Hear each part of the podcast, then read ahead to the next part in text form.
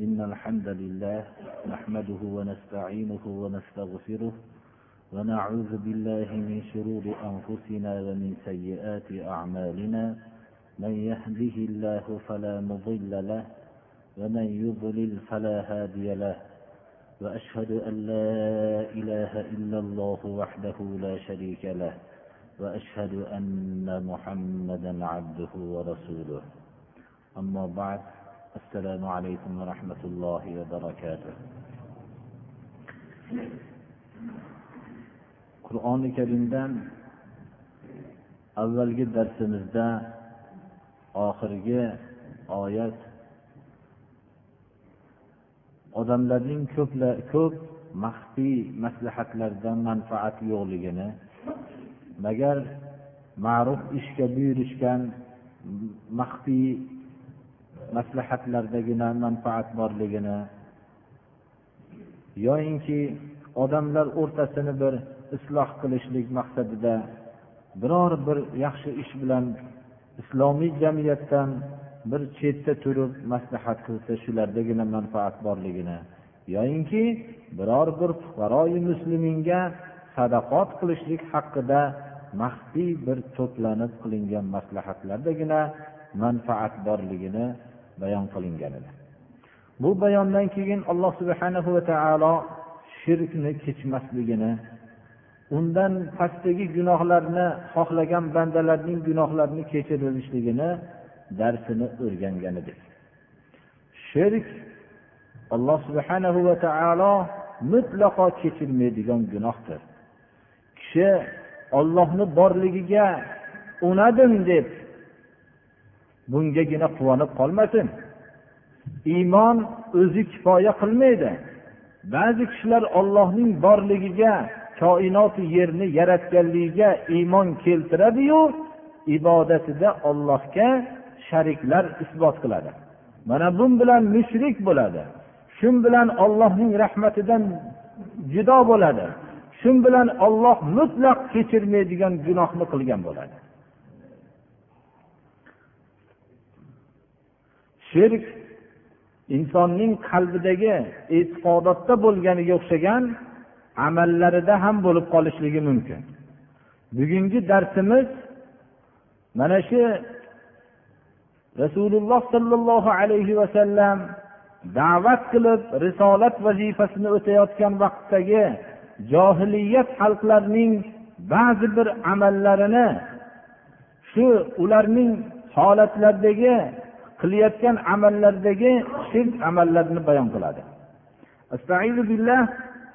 إن يدعون من دونه إلا إناثا وإن يدعون إلا شيطانا مريدا لعنه الله وقال لأتخذن من عبادك نصيبا مفروضا ولأضلنهم ولأمنينهم ولآمرنهم فليبتكن آذان الأنعام ولآمرنهم فليغيرن خلق الله ومن يتخذ الشيطان وليا من دون الله فقد خسر خسرانا مبينا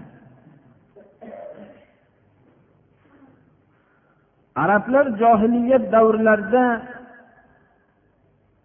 maloikalarni ya'ni farishtalarni ollohning qizlari deyishardi va shu ollohning qizlari deb bu farishtalarga har xil haykallarni qilishardi. Va shu haykallarga sig'inishardi ular bu haykallarni olloh deb sig'inishmasdi birodarlar. Ular bizlarni ollohni huzuridagi maqsadlarimizni shu dargohga olib boradigan bizlarni yaqin qiladigan maxluqlar deb bilishardi. Shu bilan mushrik bo'lishdi. Shu bilan rasululloh sollallohu alayhi vasallam ular bilan jang qildilar. Bularni mushrik deb atadilar. Ularning do'zax bilan ogohlantirdilar. Bu amallarda davom etsalar ollohning do'zax azobiga borishlik ekan borishadigan ekanliklarini bayon qildilar. Bularga qur'oni karimda ular ayol nomlari bilan nomlangan sig'iniladigan butlarga sig'inishadi degan kalima ular ollohning farishtalarini ollohning qizlari deyishardi va ayol nomlari bilan atashardi. Lot uzzo manot ismlari bilan. Shuning uchun ham oyatda ular ayol ayol nomidagi ismlarga ibodat qilishadi deb zikr qilinishligidagi sir ham shu bo'lsa kerak. Ba'zilari bo'lsa jinlarga ibodat qiladi ularning ko'zga ko'rinmasligi va ba'zi bir vahimalik narsalarning sodir bo'layotganligi shu jinlarning qudratli bir maxluqlar bularga sig'insak bizlarni ollohga yaqin qiladi yaqin qiladi deb ibodat qilishardi. Keyingi oyat shunga dalolat qilyapti. Ya'ni marid bu yomon habis sifatli bo'lgan shaytonga ibodat qilishadi. Mana johiliyat davrida banu malih huzoa qabilasining banu malih qabilasi jinga ibodat qilishardi. Qur'oni karimda ham jinlarga ibodat qilinganligi haqida bayonlar bor. Lekin jinlar ular hisobga hozirlanajak ekanliklarini bilishardi deydi alloh taolo. Jinlar o'zlarining hisob qilinishlikka qiyomat kunida ular ham mukallaf insonlarga o'xshagan ular ham hisobga hozirlanajak ekanliklarini bilishadiyu odamlar bo'lsa bularga ibodat qiladi. Ibodat qilinadigan ma'bud hisob beradigan maxluq bo'lmaydi. Ana banu malih huzoa qabilasining banu malih qabilachasi jinga ibodat qilardi. Keyingi oyat bu mushriklarning ba'zilari ollohning farishtalariga ibodat qilib mushrik bo'lganligini bayon qilsa ba'zilari jinlarga ibodat qilib mushrik bo'lganligini bayon qilyapti. Bu shaytonni olloh la'nat qilganligi muqarrar ishidir. Shayton bilan inson o'rtasidagi ma'raka qiyomatgacha to'xtamaydigan bir ma'raka ekanligini yaxshi bilishardi. Ular o'zlarining birinchi otalari odam alayhissalomga sajda qilmaganligi sababli malun bo'lganligini bilishardi. Va shu kunda shayton shu inson sababli men adash men malun bo'ldim buni qiyomatgacha bo'lgan zurriyoti bilan olishaman degan so'zini yaxshi bilishardi. Bilishib turib ular shaytonga ibodat qilishdi.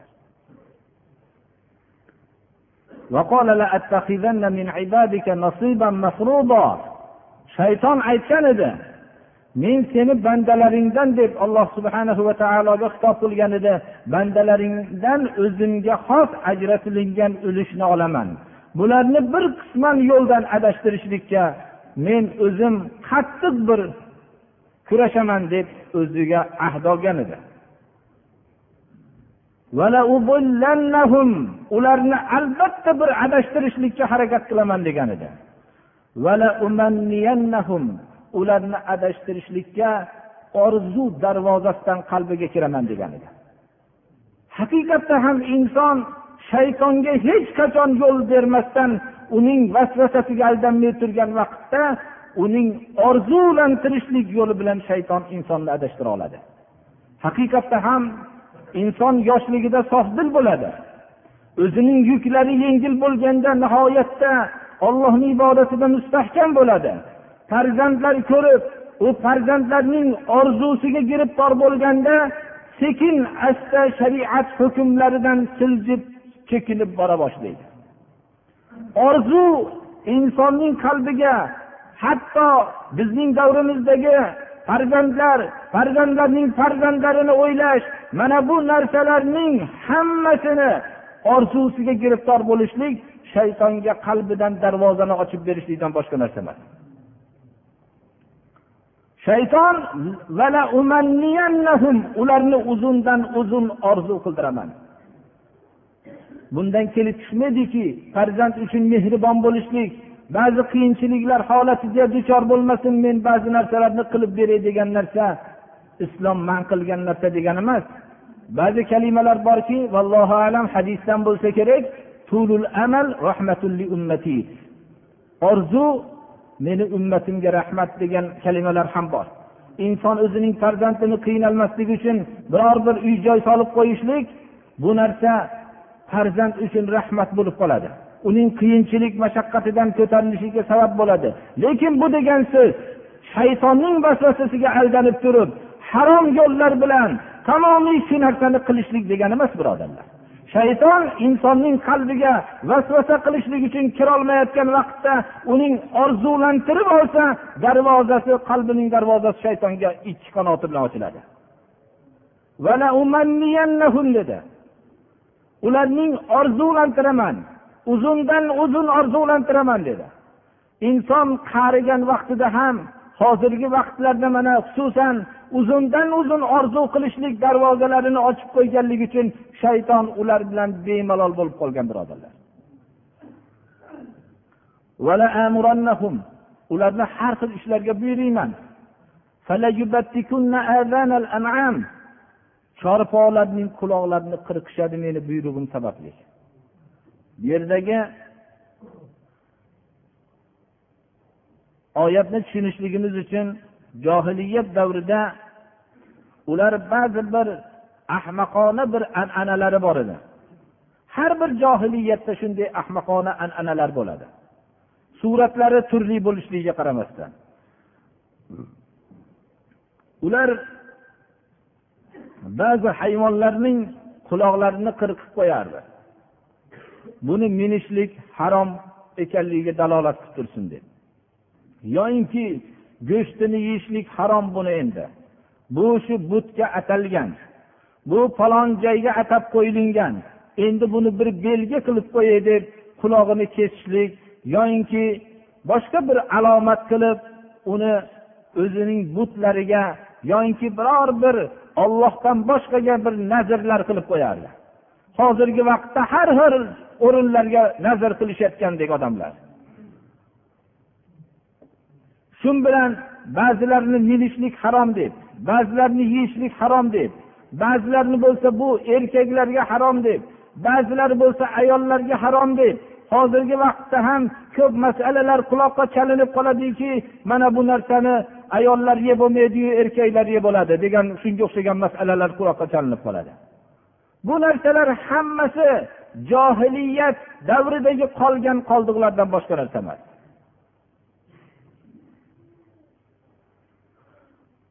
Shayton men ularni shunday buyruq qilamanki bu buyruqlarim bilan aqldaga juda ham bir aql ham buni past narsa deb e'tibor qiladigan past an'analarga giriftor bo'lishadilarda hatto hayvonlarning quloqlarini kesisha boshlashadi.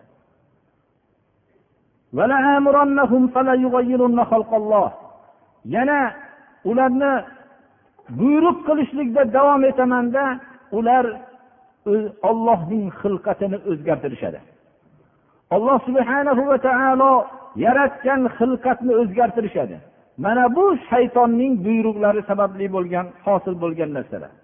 Masalan ko'proq hozirgi vaqtdagi bu amallar yo'q ilgarigi vaqtlarda qullarning pichib qo'yilar ekan.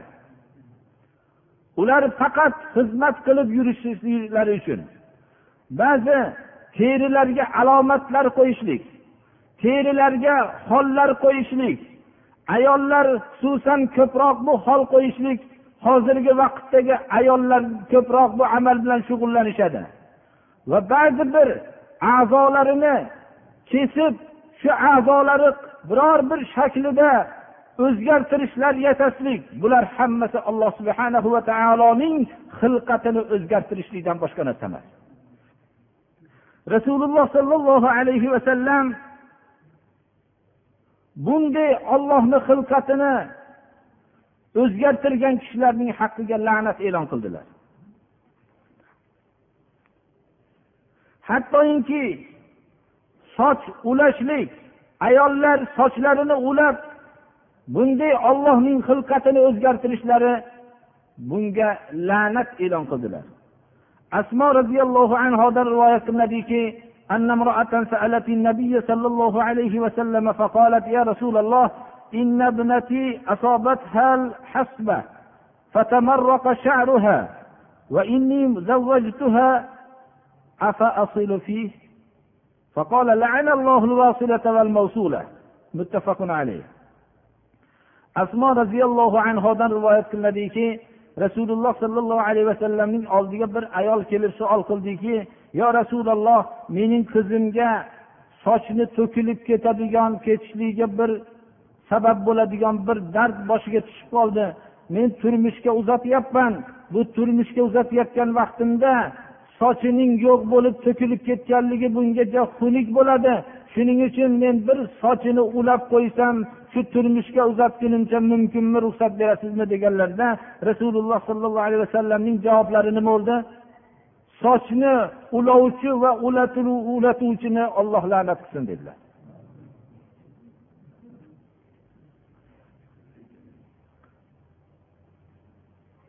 Abdulloh ibn umar roziyallohu anhudan rivoyat qilinadiki rasululloh sollallohu alayhi vasallam aytdilarki لعن الله الواصلة والمستوصلة والواشمة والمستوشمة متفق عليه avvalgi hadis ham muttafaqun alayh hadislardan rasululloh sollallohu alayhi vasallam aytdilarki sochini ulovchiga olloh la'nat qilsin dedilar va sochni ulatish maqsadida boruvchi kishiga ham la'nat qilsin dedilar ya'ni sochni ulab tiriklik qilgan odamga ham olloh la'nat qilsin dedilar Unatishlik uchun borganga ham alloh la'nat qilsin dedilar. Va hol qo'yishlik bilan shug'ullanganni ham olloh la'nat qilsin dedilar. Hol qo'ydiraman deb borganni ham olloh la'nat qilsin dedilar.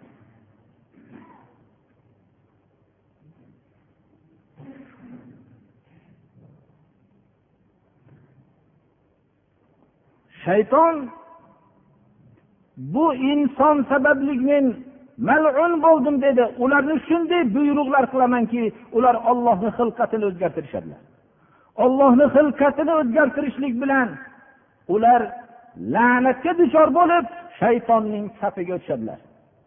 Shayton la'natlangan bo'lishlik uchun u yolg'iz qolishlikka rozi emas. Yonida la'natlangan qatorlar turishligiga u xohlaydi. Shuning uchun u o'zi la'natlangan sababli boshqalarni ham la'natlanib qator o'zining safida bo'lishligini xohlaydi.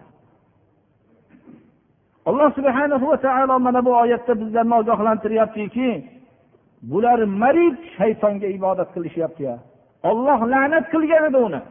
Va u la'nat qilingan kunda o'ziga ahd olib bu insonlardan bir o'zimga xos bir ulush olaman. Ularni orzulantiraman. Har xil buyruqlarga buyuriyman. Ular past bir an'analarni o'ylab chiqishadi va yana har xil buyruqlarga buyuriyman ular ollohni xilqatini o'zgartirishadi. Mana bu shaytonning ishi.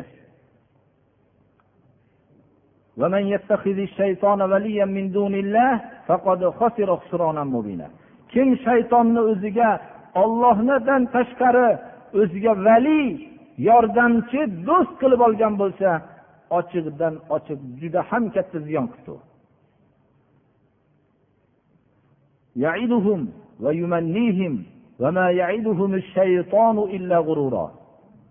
u. Shayton odamlarga ko'p va'dalarni qiladi. Inson qalbida doim shaytonning va'dasi bilan yashaydi. Ollohning va'dasi bilan yashaydi. Agar ollohni va'dasini ixtiyor qilmasa ollohni va'dasi haq. Olloh va'dasiga hech xilof qilmaydi. Ammo shaytonchi doim xilof qiladi. Shayton va'da qiladi. Va yumannihim orzulantiradi. Shayton aldovdan boshqa narsani va'da qilmaydi insonlarga. Haqiqatda ham inson qiyomat kunida o'zining do'zax azobidan qutulishlik ko'yiga tusha boshlaydi. Ro'barusida do'zax. U endi oqib ketayotgan kishi har qanday bir hashakka osilishga harakat qiladiki tashqariga chiqib qolarmikinman deb. U hashak buni ko'tarmasligini o'ylamaydi.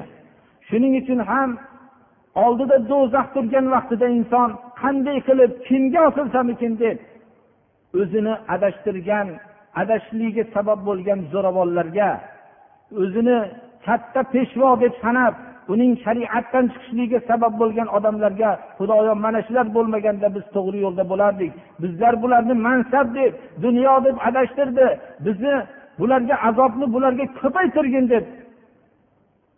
Bularni bizlarning adashtirganlar shular deganda ular aytishadiki bizlarning hech qanday quvvatimiz bo'lgan emas. biz sizlarga shunday gapirganmiz sizlar ergashgansizlar haqiqatda ham shunday shu adashgan davrlarda ularning gapiga aldanmagan sodiq musulmonlar ham yashagan birodarlar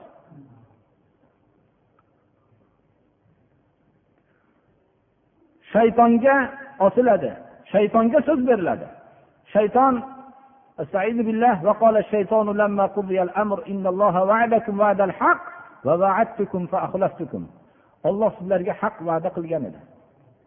Men ham va'da qilgan edim deydi shayton. Shayton ahli jannat jannatga ahli do'zax do'zaxga hukm qilingandan keyin uga so'z berilganda men ham va'da qilgan edim olloh ham va'da qilgan edi. Mana va'damga xilof qilib turibman deydi. Menga ko'p osilmanglar. Chunki men bilan sizlarning o'rtanglardagi narsa shu bo'lgan ediki deydi shayton.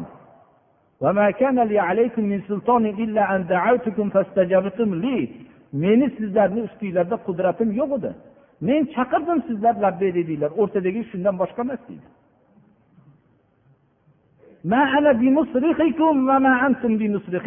Men sizlarni qutqaruvchi emasman. Bugun dodinglarga yetolmayman. Sizlar ham meni dodimga yetolmaysizlar. Mana shayton adashtirdi degan odamlarga alloh subhana va taoloning qiyomatdagi shaytonning achinarli holatini bayon qilib beryapti. Bir kishi meni shayton adashtirgan edi desa shayton unday demayapti. U men chaqirganman u labbay degan deyapti. Meni qudratim yo'q edi uni adashtirishlikka deyapti. Qur'oni karim bizning bir ming to'rt yuz yil ilgari nozil bo'lgan qur'oni karim bizga bayon qilyaptiki qiyomat kunidagi shaytonning so'zini bizga bayon qilib beryapti. Kim bu oyatlardan keyin meni shayton adashtirgan edi deyolmaydi. Ha shayton uni adashtiraman degan.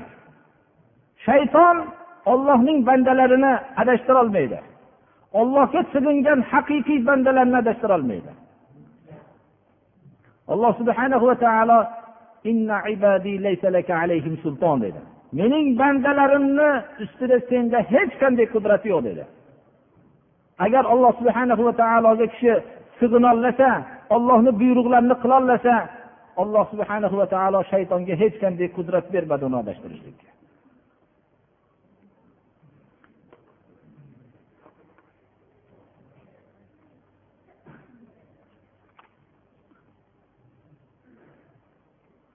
jindan ham insondan ham bo'ladi shaytonlar. Qani seni qutqarib olaman agar meni yo'limga kirsang deb millatlarni hammasini sottirishlikka sabab bo'lgan peshvolar qani? Qani butun millatingni xor qilib bersang men senga shunday narsalarni beraman degan inson shaytonlari qani? Ular hammasi o'zlari ham malun bo'lib ketishdi.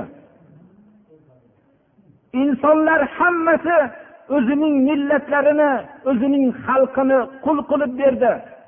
Mana bu sabab bilan ularga ko'p narsalarni va'da qilgan edi. Qani va'da qilgan narsalari? Shayton faqat g'ururdan boshqa narsani va'da qilmaydi. Shaytonning va'dasiga aldanganlar qani? Alloh subhanahu va taolo bizlarni ogohlantiryaptiki shayton sizlarni va'da qilib ishdan chiqaradi. Shaytonning va'dasi aldovdan boshqa narsa emas.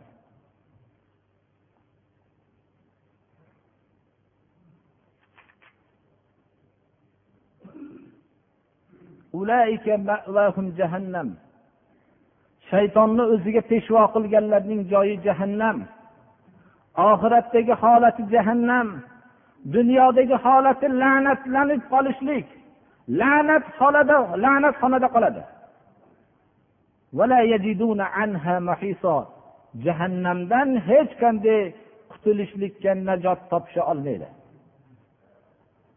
Ammo bu shaytonning va'dalariga aldanmasdan shaytonning bilan o'zining o'rtasidagi ma'raka qiyomatgacha davom etuvchi ma'raka ekanligini yaxshi bilib alloh subhana va taologa iymon keltirib va iymonlarining amali solih bilan isbotlab shunday qilgan kishilarni alloh subhana va taolo va'da qilyaptiki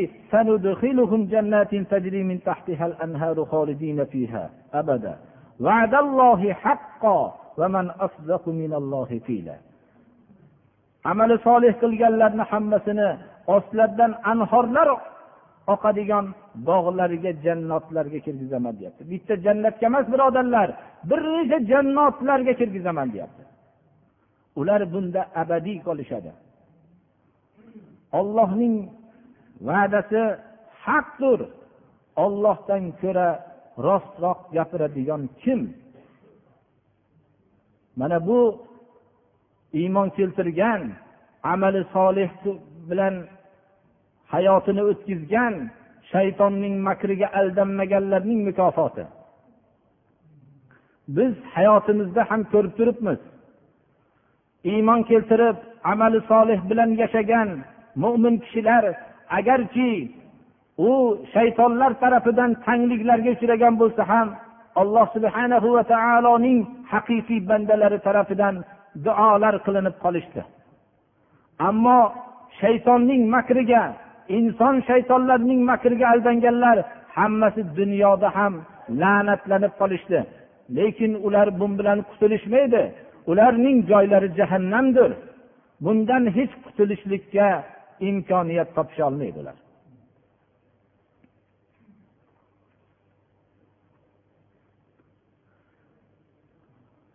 orzu insonni har xil holatlarga soladi.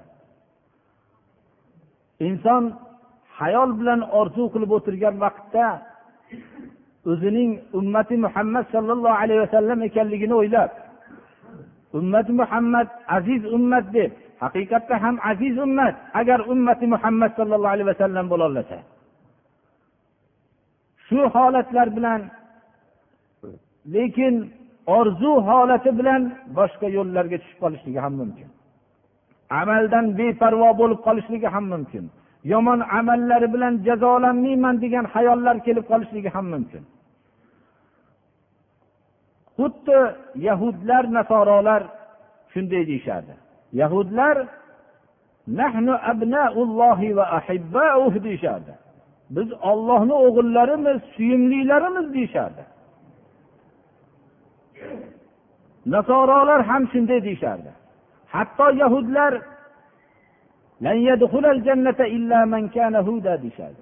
yahud bo'lgan odamgina jannatga kiradi deyishardi. Nasorolar ham faqat nasoro bo'lganlar jannatga kiradi deyishardi. Mumkinki ashobi rasululloh sollallohu alayhi vasallam bu so'zlarga hamiyatlari kelib jannatga biz kiramiz faqat bizlargina kiramiz degan kalimalarni ham aytishgan bo'lsa. Haqiqatda mo'min bo'lib amali solih qilsa olloh gunohlarni mag'firat qilsa jannatga kirishligida shak shubha yo'q. Lekin bir kishi aytolmaydiki men jannatga kiraman deb. Mana bu narsa mumkin insonning amaldan qo'yib qo'yadi. Qur'oni karim qattiq bir mezon tushirdi.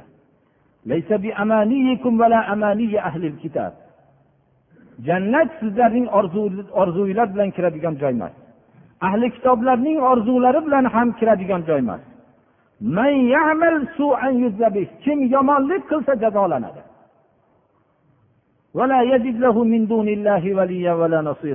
O'ziga ollohdan tashqari yordamchi do'st topa olmaydi haqiqiy. Bu oyat ashoblarga juda qattiq ta'sir qildi. Rasululloh sollallohu alayhi vasallam bu oyat nozil bo'lgan vaqtda rivoyat qilinadiki عن أبي بكر بن أبي زهير قال أخبرت أن أبا بكر رضي الله عنه قال يا رسول الله كيف الفلاح بعد هذه الآية؟ ليس بأمانيكم ولا أماني أهل الكتاب من يعمل سوءا يجزى به. فكل سوء عملناه جزينا به. فقال النبي صلى الله عليه وسلم غفر الله لك يا أبا بكر. ألست تمرض؟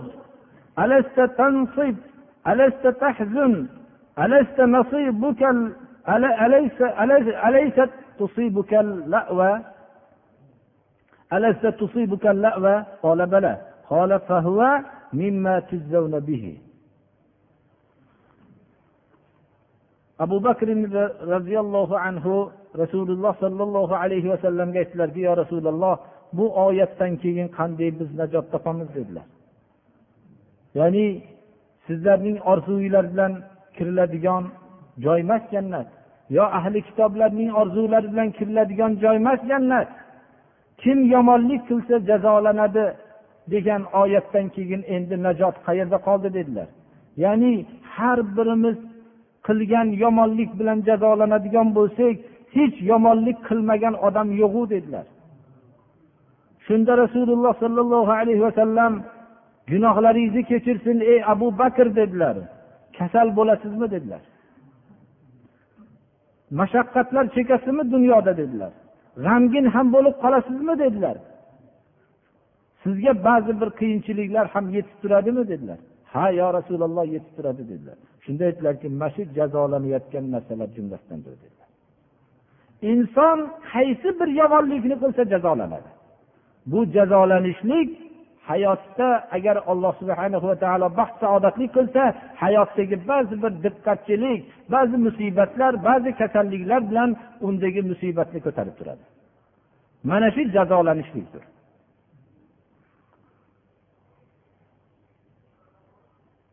Hatto ba'zi rivoyatlarda rasululloh sollallohu alayhi vasallam aytdilarki shu oyat nozil bo'lgandan keyin ya abu bakr ala ayatan nazalat alayya menga hozir nozil bo'lgan oyatni o'qib beraymi dedilar قال قلت يا رسول الله فأقرئنيها menga o'qib bering dedilar فلا أعلم أني وقد وجدت انفصاما في ظهري حتى تمطيت لها فقال رسول الله صلى الله عليه وسلم ما لك يا أبا بكر؟ فقلت بأبي أنت وأمي يا رسول الله وأينا لم يعمل السوء وإنا لمجزيون بكل سوء عملناه فقال رسول الله صلى الله عليه وسلم أما أنت يا أبا بكر وأصحابك المؤمنون فإنكم تجزون بذلك في الدنيا حتى تلقوا الله ليس لكم ذنوب. وأما الآخرون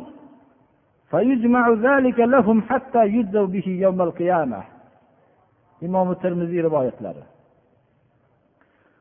o'qib bering dedim dedilar shunda shu oyatni o'qib berdilar shu oyatni o'qib berganlarida men bilmay qoldimki o'zimni belimni uzilib ketayotgandek his qilib engishib qolganligimni bilmay qoldim dedilar shunda ey abu bakr nima bo'ldi sizga dedilar yo rasululloh ey abu bakr nima bo'ldi? dedilar rasululloh sollallohu alayhi vasallam. Shunda aytdilarki ota onam fido bo'lsin yo rasululloh qaysinimiz yomonlik qilmagan? Bu oyatning dahshatidan bellari uzilib ketganda engishib qoldilar. Biz qilgan har bir yomonligimiz bilan jazolanadigan bo'lsak bizning ahvolimiz qanday bo'ladi dedilar. Shunda rasululloh sollallohu alayhi vasallam aytdilarki siz abu bakr va sizning mo'min birodarlaringiz sizlar shu bilan dunyoda jazolanasizlar. Hatto rob taologa gunohsiz holatda ro'baru bo'lasizlar. Ammo boshqalar bo'lsa ularga bu gunohlari jamlanadi qiyomat kuni jazolanadi dedilar. Ana abu bakr roziyallohu anhuning ashob mo'min ashoblari qiyomatgacha mana bunday oyatning dahshatlari bulardan qo'rqqan kishilardir. Mana bu oyat nozil bo'lganda ashobi ikromlarning hayotiga bir oyat shunday ta'sir qildi.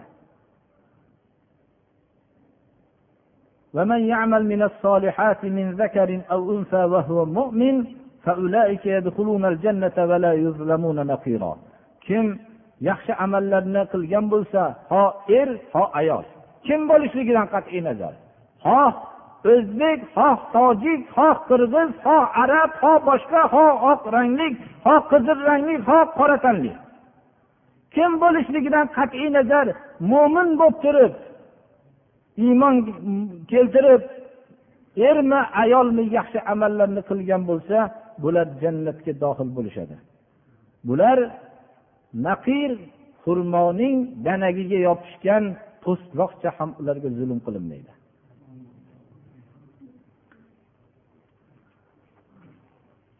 Qur'oni karimda har bir oyat rahmat oyati bilan azob oyati yonma yon keladi. Inson doim xavf rajoda bo'lishligi uchun doim o'zining gunohidan qo'rquvda va qilayotgan amali bilan ollohni rahmatini umid qilgan holatda yashashligi uchun. ولله ما في السماوات وما في الأرض وكان الله بكل شيء محيطا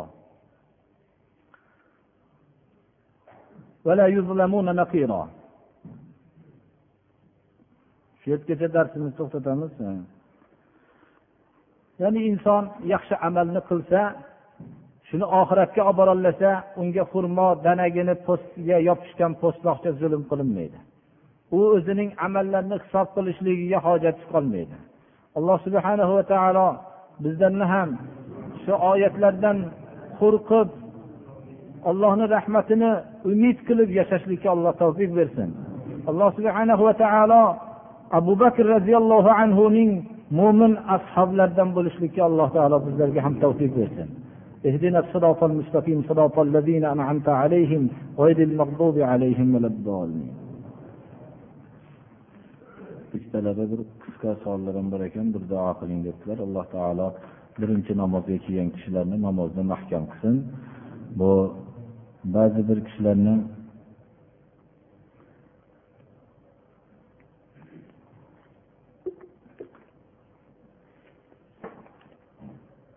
javob berishlik bo'lganligi uchun birodarlar bir ba'zi vaqtda shu savollarga bir vaqt ajratsak bo'lar ekan. Qur'oni karimni mana dars qilib o'qiyapmiz shu qur'oni karimni nima ekanligini bilib olgan kishilar ba'zi savollarni berishmaydilar shunda berilgan savollarni. Qur'on mana bizga har jumada darsi o'tyapti. Shundan biz bilaylikki o'qiyotgan oyatlarimiz qanday bir bizlarni hayotimizni o'zgartirishligi kerak. Mana bu narsalardan bir xulosa chiqarib olishimiz kerak. Shunda bilsak ba'zi hayotdagi bo'layotgan ishlar o'zi nima? O'zimizdan o'zi hijolatchilik olib ketadi. Qur'onga nisbatan tutayotgan ishlarimizdan hijolatlik olib hayotimiz o'zi to'g'rilanib qoladi. Ollohdan qo'rqishlikka nasihat qilaman. Chunki alloh subhanahu va taolo bizlarni va bizlardan ilgarigilarning hammasini o'zidan qo'rqib taqvo qilishlik uchun yaratdi. يا أيها الناس اعبدوا ربكم الذي خلقكم والذين من قبلكم لعلكم تتقون ey insonlar o'zinglarni yaratgan va sizlardan ilgarigilarni taqvo qilishlik uchun yaratgan rabbiylardan qo'rqinglar deb buyruq qildi alloh subhanahu va taolo qur'oni karimda استعيذ بالله وما خلقت الجن والإنس إلا ليعبدون men jin va inson toifasini faqat o'zimga ibodat qilishlik uchun yaratdim dedi demak biz musulmonlar alloh subhanahu va taolo bizlarni nima uchun yaratgan bo'lsa shu narsaga e'tibor bermoqligimiz kerak ibodat mufassirlarning fikriga mufassirlarning shayxi ustozi abdulloh ibn abbos roziyallohu anhuning so'zlariga qaraganda ibodat kalimasi qur'ondagi hamma ibodat kalimalari yakka ollohga ibodat qilish ollohni yakkaligini bilish tavhid ma'nosi degan ekanlar.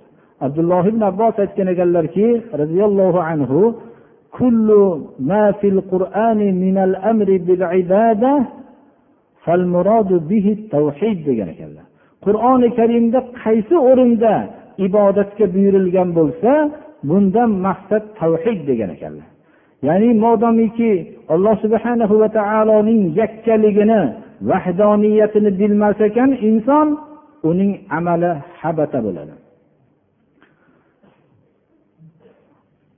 asli insonlarning bularga payg'ambarlar jo'natishlikdan bo'lgan maqsadni alloh subhanahu va taolo bayon qilib qur'oni karimda وما أرسلنا من قبلك من رسول إلا نوحي إليه أنه لا إله إلا أنا فاعبدون biz sizdan ilgari payg'ambar jo'natgan bo'lsak bunga vahiy qildikki ollohni yakkaligini va o'zimgagina ibodat qilinglar deb buyurdim deb alloh taolo aytyapti. Demak tavhid degan narsani biz bilishimiz kerakki yagona ollohga ibodat qilishlik. Tavhid uchun ollohning yaratuvchi ekanligiga iqror bo'lishlik kifoya qilmaydi. Chunki makka mushriklari hammasi ollohni yaratuvchi ekanligiga tan olishardi.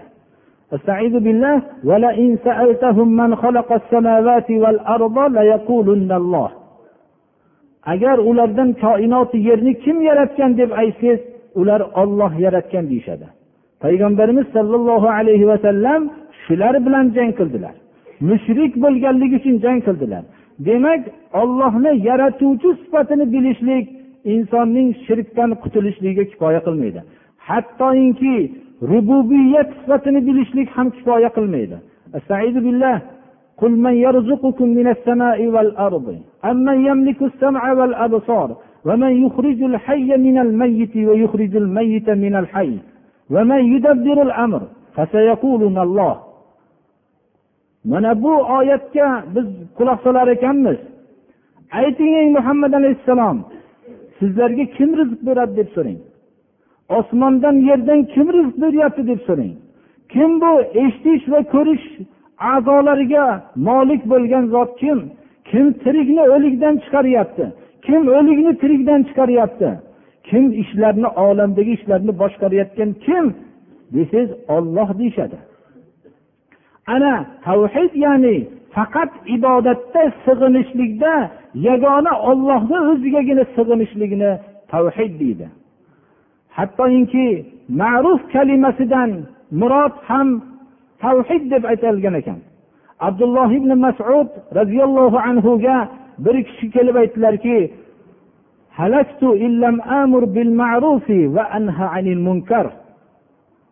deganlarida ya'ni men amri ma'ruf nahiy munkar qilmasam halok bo'libman deganlarida aytgan ekanlarki bal halakta ya'rif ma'rufa va yunkiril munkar degan ekanlar.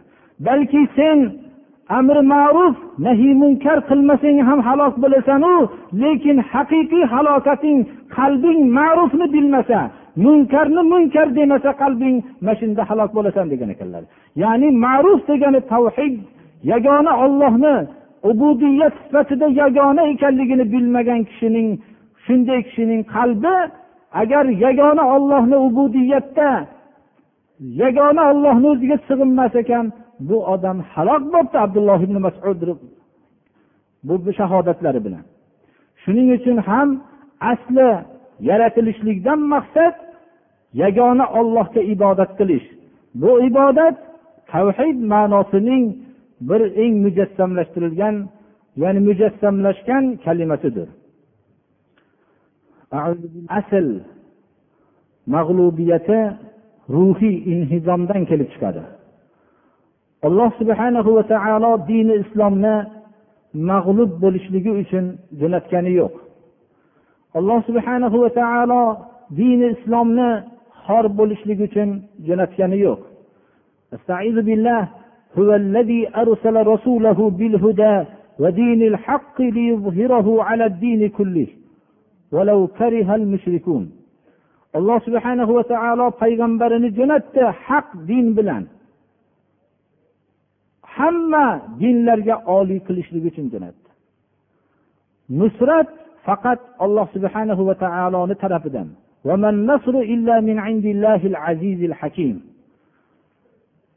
bu nusrat faqat ollohni diniga yordam bergan kishilargagina keladi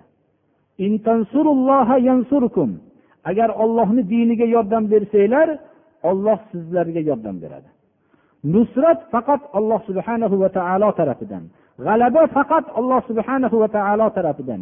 Lekin bu g'alaba haqiqiy ollohni vahdoniyatini bilgan haqiqiy ollohga sig'ingan bir haqiqiy mo'min musulmon jamoaga keladi.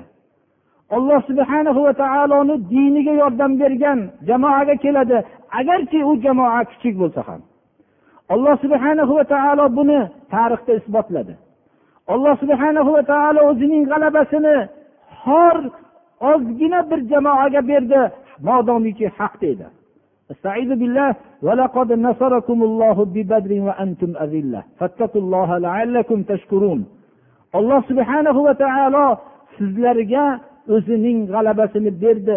Sizlar unda xor edinglar oz edinglar mana bu g'alabani sizlar o'zinglar g'alabaga mast bo'lishinglar uchun bergani yo'q. Alloh subhanahu va taoloning bu ne'matiga shukur qilishinglar uchun berdi. Demak musulmon jamoa agarki oz bo'lsa ham haqda bo'lar ekan alloh subhana va taolo ularga g'alaba beradi. Ammo har qancha ko'p bo'lsa o'zida ujub bo'lsa u jamoaga alloh taolo hech g'alaba bermaydi. Buni tarixda ham ashoblar tarixida ham ko'rindi.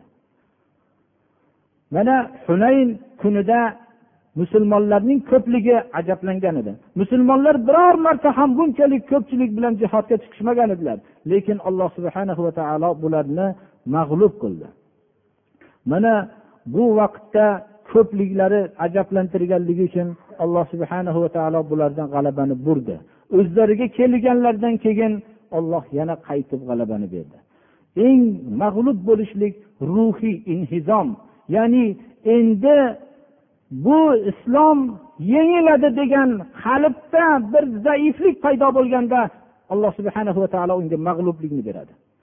Tarixda payg'ambarlar tarixida biror bitta o'zlari qolganda ham ular ruhiy mag'lubiyatga duchor bo'lishmadilar. Hatto hud alayhissalom butun dunyoga xitob qilib yakka qolganlarda ham dedilar. Meni butun tadbiringlarni ishlatinglar.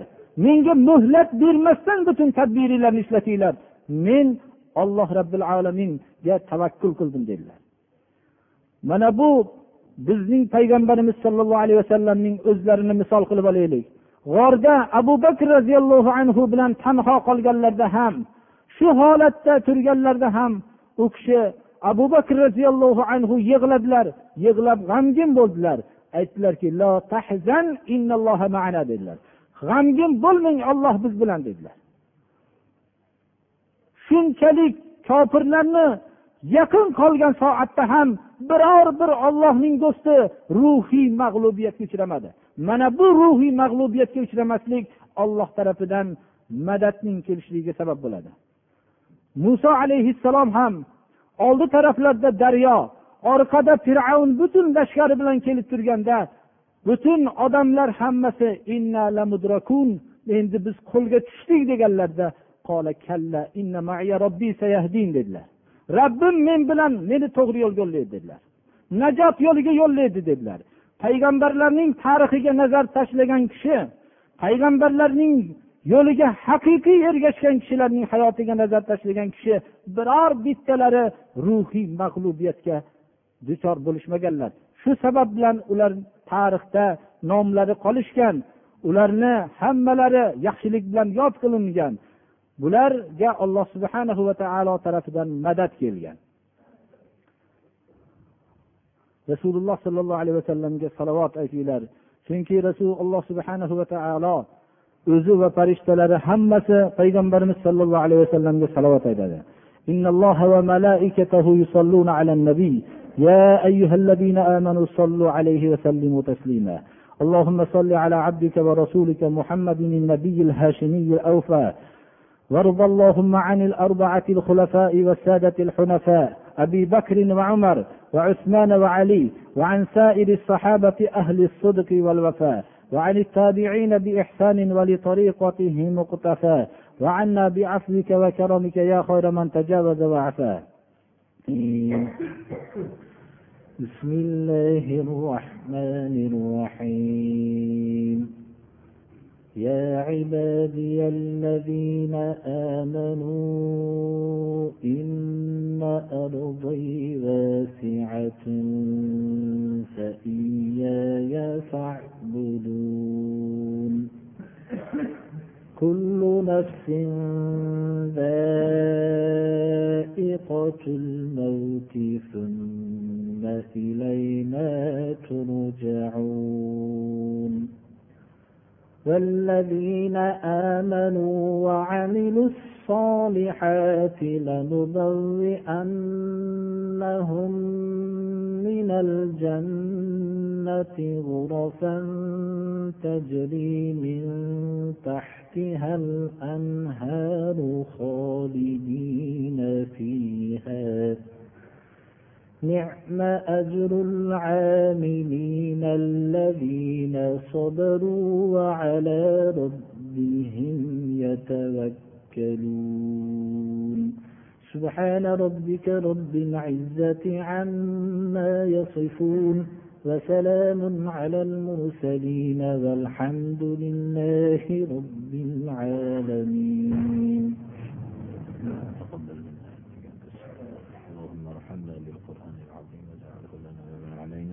يا رب العالمين